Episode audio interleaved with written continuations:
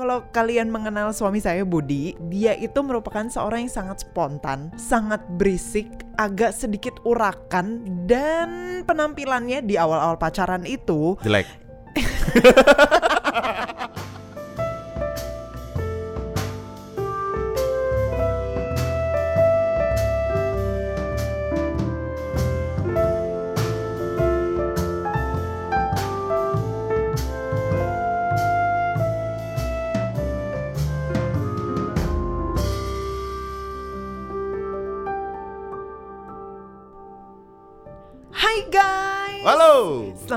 lagi di Pilotok ID. Beb, kan kita udah bilang di podcast sebelumnya bahwa Oh. kita tidak memperkenalkan diri kita. Kamu tahu gak kenapa? Karena kita udah cukup terkenal, Beb. gila pede banget. Mereka udah mengenal kita sebagai Pilotok ID. Jadi tiap kali orang ketemu kita itu, eh gila si Pilotok ID. Dia Buk- bukan pakai nama kita bukan, lagi, bukan. bukan. Eh si Pilotok. Oke, Beb hari ini kita mau bahas apa? Jadi hari ini kita akan membahas satu permasalahan yang mungkin dialami oleh teman-teman juga. Karena ini dialamin oleh beberapa teman aku sih. Aku tahu beberapa orang memang mungkin tidak seberuntung kita yang pada akhirnya, pada akhirnya loh itu di-emphasize. Pada akhirnya kita direstui oleh kedua orang tua kita. Jadi yang kamu mau bilang adalah teman-teman kamu banyak yang in relationship tapi orang tuanya nggak restuin. Yes, atau bahkan belum in a relationship, mereka masih PDKT, masih suka-suka. Terus pas dikenalin ke orang tua mereka, orang tua mereka langsung bisik-bisik, eh eh, kayaknya jodoh kamu bukan sama si itu deh. Uish. Gitu, bayangin. Beb, beb, coba sekarang ceritakan waktu aku ke rumah kamu PDKT orang tua kamu bilang apa? Oh my goodness. Men, men. Apa, apa, apa yang dia bilang? Apa yang dia bilang? Jadi pertama kali kalau kalian mengenal suami saya Budi, dia itu merupakan seorang yang sangat spontan, sangat berisik, agak sedikit urakan dan penampilannya di awal-awal pacaran itu jelek. sebenarnya that's not the word that I'm looking for tapi dia agak sedikit berantakan dan nggak matching. Pokoknya gini ya lu bayangin deh dia itu pakai sweater yang kayak hashtag ugly Christmas sweater. Kayak sweater yang jelek banget gitu beb. Pertama kali kamu jemput ke rumah aku jadi kayak orang Eh, enak aja. Iya terus terus abis itu orang tua aku langsung bilang, men kamu yakin sama dia? Eh, kamu ngomong ya? itu pertama kali? Iya kayak kamu Serius? kamu coba deh pikir-pikir lagi. Masa sih? Gitu. Ih, Gila ya. Gawat juga ya. Wah, God. Nah jadi dari situ terus abis itu aku kayak oh my goodness jangan-jangan orang tua gua nggak approve lagi. Terus dan, dan ternyata emang nggak approve kan? nah itu beb. Jadi jadi yang kita mau bahas hari ini adalah gimana caranya kita bisa menikah. Padahal orang tua Mendy sangat keras menolak gue. Yes, dan sebenarnya yang pengen aku bahas juga adalah kalau misalnya orang tua kalian gak approve, what should you do? Iya kan, sebenarnya kan bukan masalah akhirnya gua harus menikah meskipun orang tua gua nggak support. Tapi iya. apa yang harus kalian lakukan kalau sampai orang tua nggak support? Kayak misalnya kenapa sih orang tua nggak support? Perlu nggak gua perjuangkan? Perlu nggak gua menyerah? Misalnya kayak gitu. Ya atau perlu nggak gue backstreet? gitu kan? Itu bisa sih. Itu bisa jadi kan? Perlu nggak lu backstreet? salah satu option. Menurut gua sih backstreet aja. Enggak deh, enggak deh, enggak deh. Soalnya kita nggak backstreet. Jadi jadi gua mau cerita sedikit. Jadi eh, ada waktu kita bikin awal-awal tentang bahasa kasih beb. Mm-mm. Ada yang eh, komen di story, dia bilang kok kok kok bahas kisah cintanya dong, karena kisah cinta kita bagai putri dan pangeran kodok ceritanya. Jadi- kodoknya. Iya, jadi gua agak buruk memang waktu itu. Jadi jadi em, dan berlendir. Eh jadi jadi jadi kita ketemu di UPH terus memang gua bukan dari keluarga mampu jadi struggle really hard untuk kuliah di UPH waktu itu naik motor sempet terus naik mobil mobilnya juga jelek karena cuma satu punya orang tua dan itu dipakai belanja ke pasar. Dan perlu tahu orang tua Mandy itu papanya lihat siapa yang datang itu mobilnya dulu dan peleknya dulu betul ya Iya. Waktu gua datang, mobil gua habis dari pasar, kotor lah, Iya. terus penyok-penyok lah. Iya. Terus dia pikir gua adalah orang yang sangat berantakan. Ternyata setelah menikah beb, aku orangnya gimana? Sangat rapi. Sangat rapi gitu. Dulu nggak kelihatan. Bahkan teman-teman nggak nyangka kalau gue OCD sama sesuatu yang rapi. Iya. Gitu. Jadi waktu itu memang impresinya sangat buruk ya beb. Jadi teman-teman gue PDKT dari awal masuk kuliah. Mungkin kita awal masuk di Juni, mulai PDKT gue Oktober gitu, mulai suka. Em, terus selama 4 tahun kita PDKT dan gue mengalami penolakan dua kali. Aduh. Jadi gue nembak dia tiga kali dan dua kali ditolak. Dan Aduh. di podcast ini gue akan bercerita detail supaya teman-teman bisa tahu bahwa gue juga ngalamin penolakan Hmm. dan orang tuanya tidak kasih gitu. Hmm. Jadi awal-awal hmm, setelah kita PDKT gitu ya, eh, kita masuk 2010 kemudian 2011 gue tembak Mandy, betul? Hmm, betul. Waktu itu gue tembak dan dia tolak Yes. gitu. Karena em, waktu itu sebenarnya kita sama-sama Kristen, Uh-uh. tapi kita beda aliran gereja Betul. dan orang tuanya sangat concern di situ. Yes. Jadi memang kita nggak bisa menyalahkan, kita tuh nggak boleh menyalahkan orang tua sebetulnya. Betul. Kenapa? Karena mereka mungkin mau yang terbaik buat anaknya, Betul. atau mereka tidak mengenal hal di luar yang mereka tahu. Yes. Iya kan, sering kali yang jadi boundaries teman-teman kalau teman-teman lihat kenapa kalian ditolak, karena orang tua kalian tidak mengenal sesuatu yang di luar mereka. Hmm. Yang kalian mesti lakukan adalah kalian masih memperkenalkan siapa diri kalian, Mm-mm. gitu dong. Kalau enggak, ya orang tuanya akan tolak terus oleh orang dia nggak kenal, Betul. gimana gitu. Jadi yang pertama itu, kemudian eh, ditolak yang pertama kan, beb. Yes. Tapi kita masih PDKT. Mm-mm. Sempat orang tuanya main ditanya gitu. Tanya gimana? Eh, eh, Kak, hubungan kamu sama Budi gimana sih gitu ya? Iya. Coba ceritain, Beb. Nah terus abis itu kayak kak sebenarnya kamu sama Buni serius nggak sih? Terus kayak eh, abis itu kalian ada rencana ke depan kayak gimana gitu kan? Terus kalau misalnya kalian memang menikah, kamu tuh betah nggak sama orang kayak Budi? Iya, gitu karena kan? dipikirnya gue berantakan banget kan. berantakan, jorok dan berlendir, kayak kodok. Iya, emang mungkin waktu itu gue mirip pangeran Iya. kodok memang. Oke lah. Jadi lewat sekelebat yang dilihat orang-orang luar, nggak cuma orang tua sih, orang-orang luar kayak, aduh kasihan banget si Mandy. Eh, masa sih? Eh, parah. Eh, parah. Eh, lu boleh lihat Instagram gue. Gue gak sejelek itu kok, Oke, beneran. Enggak, enggak. Oke, Gue gak bentar. sejelek itu. Wait, wait, wait. Jadi kayak ya ampun si Mandy udah deketin sama cowok yang pakai hashtag ugly Christmas sweater. Jadi dia kayak ya ampun nih orang udah berantakan, urak-urakan. Kamu kan orangnya berisik kan Beb ya? Ya, Sorry jadi- to say, kamu jadi- tuh orangnya sangat-sangat suka teriak-teriak gitu Iya, iya. loh. Jadi pertama kali gue datang ke rumahnya, gue gak tau, gua gak tau tipe keluarganya kan mungkin sangat-sangat Anggun, terus Iya. well behave gitu kan. o- orang orang orang berada gitu. Kalau gue kan rakyat jelata, jadi kalau ketemu teriak-teriak aja. Orang orang miskin dong gitu. Jadi pas masuk ya gue ngomong dengan jujur dong. Men, lu gimana sih rumah lu salah nih? Gue teriak dari bawah rumahnya Lu gede. bayangin Nyokapnya di lantai dua ngeliatin gue Iya. begitu. Gue biasa aja. Gue pikir memang dia salah ngasih gue alamat kan. Gue mau jemput UTDKT kan. Terus Dia kira rumah kita di tepi pinggir jalan Iya. gitu. Mesti teriak supaya kedengeran. jadi mamanya melihat gue dengan tatapan begitulah ceritanya. Iya, jadi kan dari first impression itu udah, aduh udah jelek banget. Jadi dikira kayak, men, kamu yakin kamu bakal betah sama cowok kayak gitu? Iya. Dia itu kayaknya kalau mami lihat sih ya, Budi tuh orangnya, eh sorry tuh saya kurang rapi.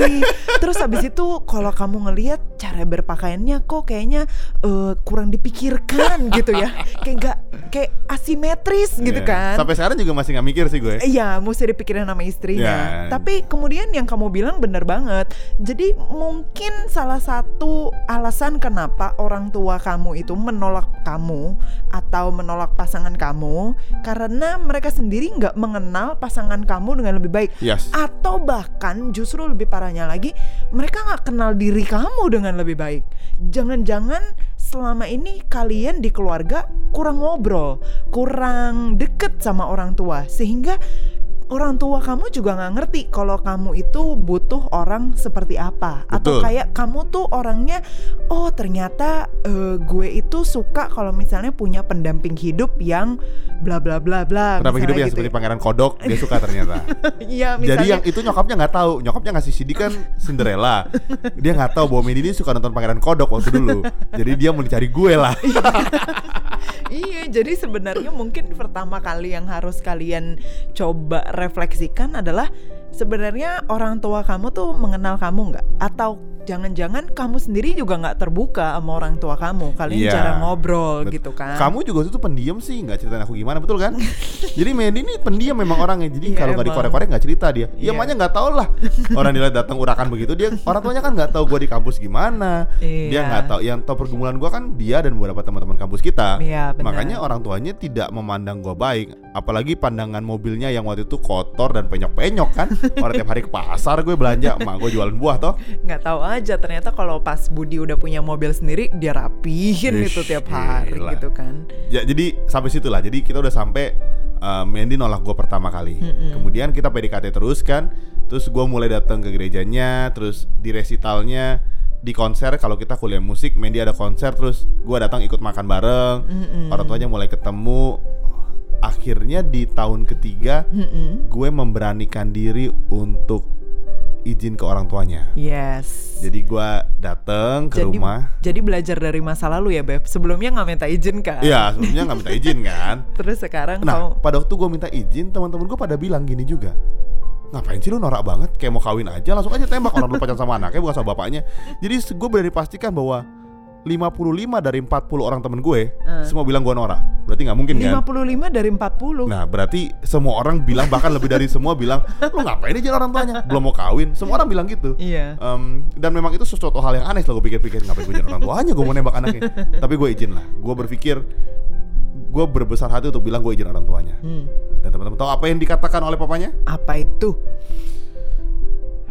gue ditolak lagi jadi papi maminya Mandy kan diplomatis Mm-mm. ketika gue izin yang ketemu gue papanya Hmm. dan which is mamanya lebih galak mukanya maminya Mandy pertama kali ketemu sih galak banget nggak bohong Iya ketus benar. banget Iya. tapi setelah gue menikah sih unyu banget Nah, eh. Jadi gue lebih berani telepon maminya, ngechat ngechat jabri maminya, bisa telepon teleponan sama maminya.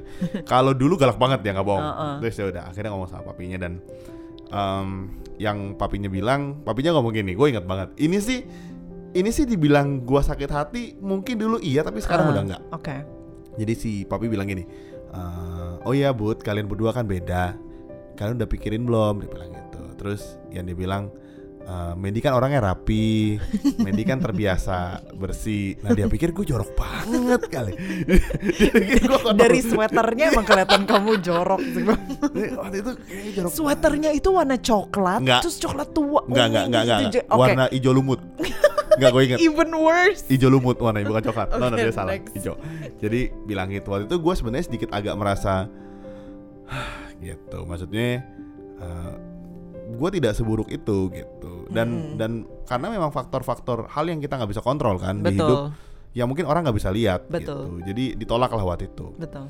Abis ditolak itu gue bilang Mandy. Mm-mm. Jadi abis ditolak itu gue komit untuk gue bilang udahlah gue nggak akan maju orang tuanya nggak restu. Nah ini gue Mm-mm. bilang sama teman-teman bahwa gue nggak decide buat Backstreet. Mm. Even gue cinta. Gue bilang gue menghormati otoritas kedua orang tua kita. Mm-mm. Dan kalau gue izin nggak dikasih, gue gak akan Backstreet. Mm-mm. Dan abis itu seminggu setelahnya kalau nggak salah, gue ajak Mandy makan di tempat yang lumayan. Yang lumayan gue mampu lah waktu itu. Ceritanya masih mahasiswa kan. Iya belum punya duit Ya sendiri. belum punya duit. Eh udah enak Oh, aja. udah. Eh udah kerja. Aku kerja Oh sendiri iya ya. iya. iya. Waktu itu makan di apa kita makan? Aduh lupa di di Mall Sepong. Ya di Mall Serpong lah di SMS kita makan. Terus di makan itu gue bilang, men kita off ya. Karena papi kamu gak kasih izin. Nangis dia. Oh my goodness, Terus kita Beb. di mall nangis, kita pulang di mobil Gila, nangis sampai ke rumahnya gue antar nangis dan gue gue sih bilang gue stres juga waktu itu gue bilang Uh-uh. gimana ya orang tuanya gak ngasih izin gue Hmm. bilang terus yang Medi sesalkan Medi bilang kenapa kamu gak mau fight buat kita bilang gitu Iya, jadi bener. waktu itu waduh emosional lah maksudnya bukan gue Iya. gak mau fight gitu orang tua gak ngasih izin gue Iya.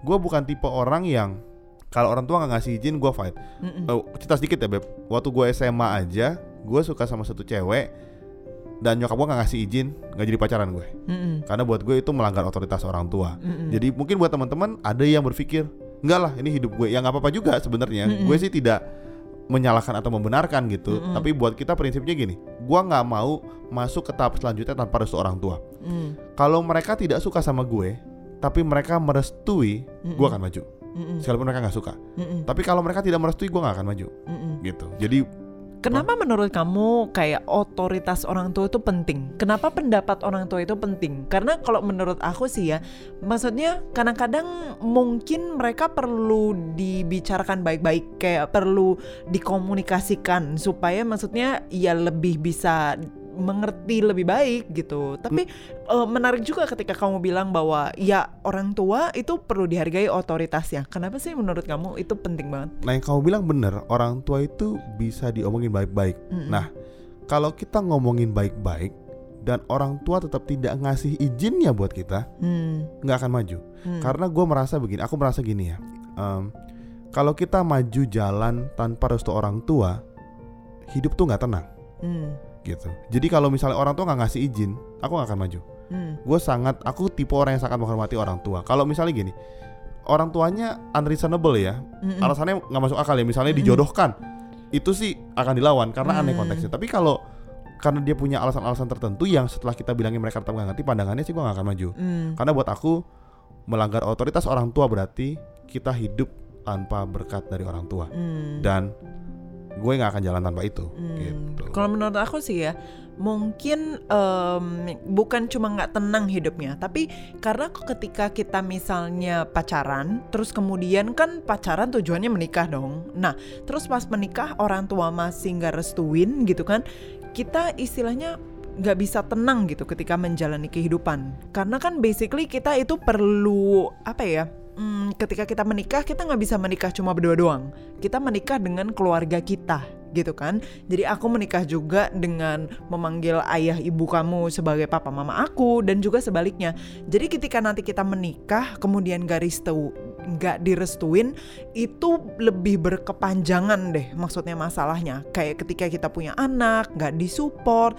Karena in our life gitu ya di dalam kehidupan kita kita itu basically nggak punya orang lain selain siapa yang kita sebut dengan keluarga gitu. So when whenever kita mau in a relationship gitu, penting banget untuk dapat restu dari orang tua. Betul. Jadi kalau sampai sini mungkin teman-teman yang galau backstreet atau enggak tanpa seorang tua dari kita kita akan bilang enggak. Hmm. Kenapa betapa pentingnya seorang tua? Yes. Dan mungkin yang teman-teman tanya, nah setelah ini yang menarik, Mm-mm. gimana caranya Budi bisa menikah sama Mindy? Yes.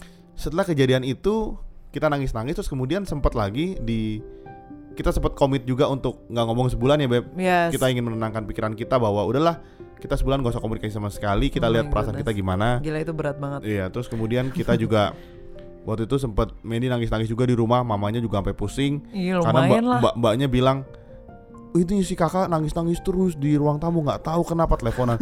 Gue juga di rumah nangis-nangis mak gue bilang gini kan but ayo ke, ke Mangga Dua nggak mau mau di rumah aja. Ayo nanti mau beliin baju. Nggak mau gue bilang gitu. Terus nangis-nangis lagi telepon sama Mendy waktu itu. Ngomongin apa sih lupa aku itu itu. sedih banget karena kan kayak kayak gimana ya kita udah tiga tahun jalan maksudnya bukan jalan sebagai pacaran tapi udah mendekatkan diri udah PDKT udah kayak udah tinggal komitmen lah istilahnya iya, gitu. cuman dan sama kita masih nggak di nggak dibolehin gitu. Itu rasanya beb oh my gosh rasanya pengen mati aja iya, gitu. karena itu, sedih betul, banget betul, kan betul. gitu. Karena uh, on my mind gitu kayak udah bener-bener berfantasi lah kayak oh, oh this is the oh. one gitu kan oh fa fa fantasinya apa nih nah tuh kan oh. beb fantasinya yang bener loh ya bukan loh, fantasi iya fantasinya bener fantasinya Fantasi apa nih menikah oh I see aku juga fantasinya menikah oh tapi aktivitas yang lain pasti. Oke, okay, next. Oke, okay, oke. Okay. Jadi itu bener-bener masa paling kayak one of the saddest moment in my life yeah, itu. Betul. itu sedih banget. Jadi kayak nangis nangis terus mami dan kayak pembantu di rumah aku kayak kayak agak Stress sedih juga. sedih, karena aku yeah aku kayak istilahnya nggak mau makan cuma istilahnya di kamar doang gitu. Oh, itu ber berhari-hari kau itu gitu? itu berhari-hari. Karena waktu itu kan uh, kita lagi summer break tuh. Kita dua bulan nggak oh, iya, ada. iya, iya, iya, iya. dua Libur bulan kuliah, gak ada ya? kuliah. Ya, jadi bener-bener cuma di kamar doang nggak ngapa-ngapain Ya, jadi tips yang kedua kalau misalnya kalian mau dapat restu, berlakulah seperti Mandy. Oh enggak. Nangis-nangislah di kamar sampai orang tua kalian tidak kuat melihat kalian. Enggak, jadi setelah itu itu berjalan, kita kuliah lagi normal gitu ya. Yes. Kita bertemu normal, aku tetap antar jemput dia, tetap deket lagi. Terus tiba-tiba satu momen Enggak, waktu itu kita udah bilang, aku sih udah komit. Mandy waktu itu nggak tahu, aku udah bilang di dalam hati. Kalau misalnya sampai akhir tahun keempat wisuda, kita nggak dapet izin gue nggak akan fight buat Mandy hmm. karena dia mau sekolah S2 dan gue bilang udahlah lu harus move on gitu dan Mm-mm. gue juga akan move on karena Mm. dia mau sekolah kan nggak mungkin Iya. dong gue tahan-tahan di sini Iya, PDKT ya udah gue udah kom- merelakan untuk tapi waktu itu gue nggak bilang dia tapi gue bilang kalau sampai itu terjadi ya that's okay artinya gak dapet restu tapi Iya. sepanjang itu kita tetap berkomunikasi dengan normal Heeh. nah di satu titik tiba-tiba papi kamu bilang apa bersama kamu coba Iya, jadi kayak waktu itu kan kita breaknya bulan Juni kan ya. Terus pas eh, bulan sekitar Agustus akhir atau September awal gitu, kita lagi jalan-jalan bareng ke Bandung sama eh, orang tua aku gitu. Aku, adik, sama mama papa. Terus tiba-tiba pas lagi makan siang, I don't know out of nowhere gitu, mereka terus abis itu tiba-tiba bilang, iya men, em, ah, papi dan mami itu sama-sama udah bergumul. Terus abis itu kita memutuskan untuk eh, kayak menghargai gitu keputusan kamu. Kalau memang kamu mau jalan sama Budi gitu ya, pangeran kodok itu yang berlendir dan punya ugly sweater, itu kalian boleh aja jalanin, gak apa-apa. Kayak mami papi support dan eh, mendukung eh, perjalanan cinta kalian gitu. gitu kan. Terus habis itu mami mami kayak bilang iya kakak sama Budi harus percaya. Ini merupakan kayak eh, apa bukan penglihatan apa ya kayak eh, pesentuhan dari Tuhan gitu Ya, lah. ya. gitu kan. Jadi ada sedikit eh, pencerahan yang terjadi di dalam hidup mereka. Akhirnya mereka mengizinkan aku untuk pacaran sama kamu. Ada satu yang kamu lupa bilang aku ingat. Apa itu Mandy bilang gini, emang dia suka lupa nih, tapi karena itu memuji-muji gue jadi gue inget. Papi bilang gini, Mandy cerita sama gue sih, iya eh, papi bilang setelah papi lihat Budi orangnya baik, gitu kan? Ih, ya udah kan? giliran Budi Nah. orangnya baik diingat iya dong, jadi bilang gitu papinya dan akhirnya em, kita dapat restu dan akhirnya gue tembaklah Mandy gitu. Dan setelah Hmm. proses itu pacaran 8 bulan kemudian ditinggal 2 tahun gue, kemudian waktu di US, eh kayaknya kita mesti bikin podcast khusus LDR deh. kayaknya deh season 3 kayaknya Season 3 Jadi setelah gue pacaran 8 bulan Akhirnya dia S2 Dan dia hampir diambil bule juga ternyata Oke, oke. Oke oke oke oke Parah Tapi tapi menarik banget ketika kamu ingat bahwa papi aku bilang bahwa kamu itu baik. Karena itu berarti kan suatu momen pencerahan dan itu menjadi salah satu bahan pertimbangan mereka bahwa Budi ber- tidak seburuk itu dan Budi tidak sejorok itu. Ternyata Budi rapi orangnya. Dan teman-teman perlu tahu ini gue excited, gue masih cut di sini. Dan setelah kita menikah, maminya menyadari gue lebih rapi dari anaknya ternyata. Jadi kalau ada apa-apa, mami mertua gue bilang, "Bud, tolong ini ini Bud, rumah kamu bagus gini deh." Oh iya, Mam, kita cari ini yuk foto-foto. Jadi gue selalu ngechat sama mamanya. Karena dia tahu Mandy tidak rapi, betul ya? Lebih rapi gue. tidak serapi kamu. Iya. Jadi ternyata gue mematahkan prediksi ini. Jadi buat teman-teman yang terlihat jorok, make sure lah kalian rapi di rumah ternyata. Jangan selama nikah kalian jorok ternyata. Menyesal lah dia nanti. Jadi maksudnya Backstreet itu is a big no no karena justru dengan Backstreet kalian menunjukkan Sisi bahwa buruk. yes, Iya. kalian menunjukkan bahwa kalian memang seburuk yang dipikirkan Iya. orang tua. Karena kayak kalau Iya, misalnya iya, iya, memang you itu orang baik, you itu emang orang yang diperjuangkan Betul. dan memang bahwa anaknya calon mertua kamu itu nggak salah pilih kamu Betul, betul. sebagai calon suami. Betul. Iya kamu perlihatkan, you show the best version of yourself ke orang tuanya Betul gitu loh. datang jemput Iya. dengan dengan jantan emang mau jemput anaknya gitu. Yes, Kalaupun gitu nggak dibolehin ya lu pulang dengan hati besar, lu izin dengan fair gak lari di belakang Iya gitu. bener Iya bener kan? exactly gitu. Oh, makanya ini yang orang tua aku bilang berkali-kali. Aku pernah cerita ya, waktu aku SMA dulu semua orang tua perempuan suka kalau aku jemput. Hmm. Karena mama ngajarin bahwa kamu jemput siapa pun harus turun tunjukin mukanya. Mungkin itu yang orang tuanya lihat, betul ya? Ya benar. Karena aku setiap kali turun, sekalipun orang tua yang nggak suka, gue pasti turun. Dan gue panggil depan namanya Mandy. Gitu. Nggak orang kan ada WhatsApp gitu, aku udah nyampe nih, turun gitu. Nah, gua gua nggak tipe gitu. Hmm, Jadi Cuman- tiap, tiap kali kamu jemput, kamu pasti matiin eh, mobil, Mobil. terus habis itu kamu turun, terus kamu itu kamu masuk kan Iya, gitu. nunggu di ruang tamu nunggu anaknya turun. Iya. Orang tuanya ngobrol-ngobrol lihat. Iya. Mungkin menurut gua bener sih yang Mandy bilang kalau lu backstreet orang tuanya makin ragu karena ternyata lu berbohong di belakangnya gitu. Nah, itu. Mendingan itu lu dengan gentle bilang emang saya mau serius sama anaknya. Heeh, bener. Orang tuanya ngelihat lebih fair malah, ya nggak sih? Mm-mm, bener. Jadi show the best version of yourself dan kemudian ya hopefully kalian bisa memenangkan hati orang tuanya sooner Ya, or later. betul. Jadi sebenarnya the main reason kenapa kamu turun juga adalah supaya kamu juga bisa ngobrol sama orang tuaku gitu kan. Supaya aku menunjukkan bahwa aku tidak berlendir sebenarnya. Jadi setelah waktu itu kejadiannya gue pakai ke rumahnya di bajunya rapi gitu, Iya. mulai rapi lah, Iyalah. mulai ganteng lah. Warnanya nggak tabrak-tabrak hijau lumut sama tanah gitu kan, warna Ya. tanah gitu. Padahal itu kan natural sebenarnya. Di mana ada tanah situ ada hijau lumut sebetulnya. Apalagi lagi mendung, musim hujan. Jadi maksudnya hopefully ketika kalian misalnya gak direstui oleh orang tua gitu kan, coba kamu pertama kali eh, cek dulu refleksi apakah kamu udah jujur dan udah banyak berkomunikasi dengan orang tua kamu. Betul. Dan yang kedua adalah kalau misalnya masih nggak direstui juga, bilang komunikasikan sama cowok kamu, sama pasangan kamu itu untuk show the best version of himself ke orang tua kamu dan cobalah memenangkan hati orang tua kamu. Gitu. Yang ketiga. Yang ketiga apa beb? Mungkin orang tua pasangan kamu tidak hidup di dunia kamu. Hmm. Let's say kita beda gereja Hmm. waktu itu. Mungkin dia berpikir gereja yang di gue itu aneh dan salah. Mungkin ya. Mungkin. yang yang pelajaran yang gue mau angkat sih teman-teman sebenarnya ini sih khusus pengalaman kita gitu. Hmm. Kalau lu bergerejanya mungkin beda, Atau beda agama beda bahkan. agama, it doesn't mean you are bad, you know. Hmm. Gereja itu tidak menjamin apa pun gitu. Mm-mm, Maksudnya lu lu di sebuah tempat yang sama tidak menjamin lu terdidik dengan cara yang sama. Betul. Jadi buat gue setiap orang masing-masing yang mesti tunjukkan adalah the best version of your life. Dan yang Betul. paling penting jadi jujur sama diri sendiri sih. Gue Betul. sih jujur sampai sekarang ya. Dulu sih awal-awal gitu ya. Misalnya dateng bajunya gue pikirin segala macam. Makin ke sini gue merasa gini. Mandy tahu gue gak nyaman pakai celana panjang. Dan gue nunjukin bahwa gue mau pakai celana pendek ke mana-mana.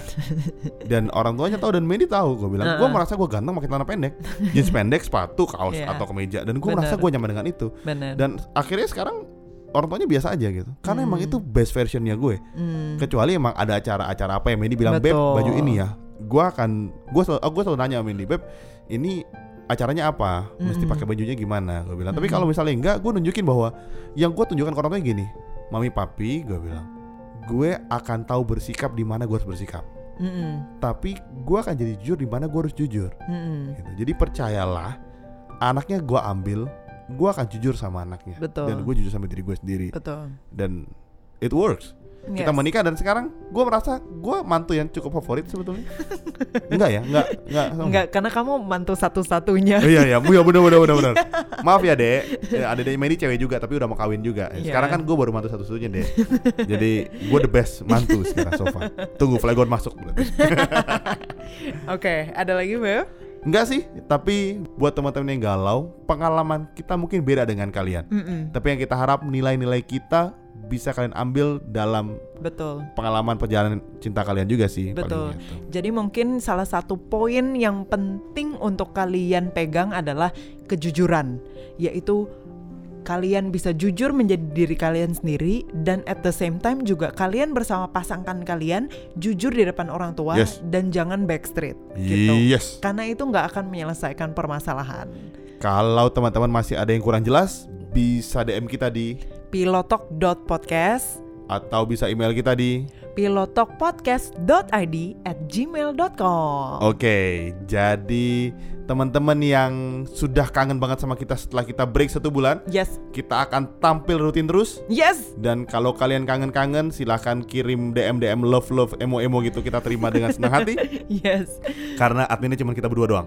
Jadi kita berdua akan baca semuanya. yes, dan kita akan balas secepatnya. Oke, sampai situ aja beb. Yes, Sampai jumpa di episode berikutnya. see ya.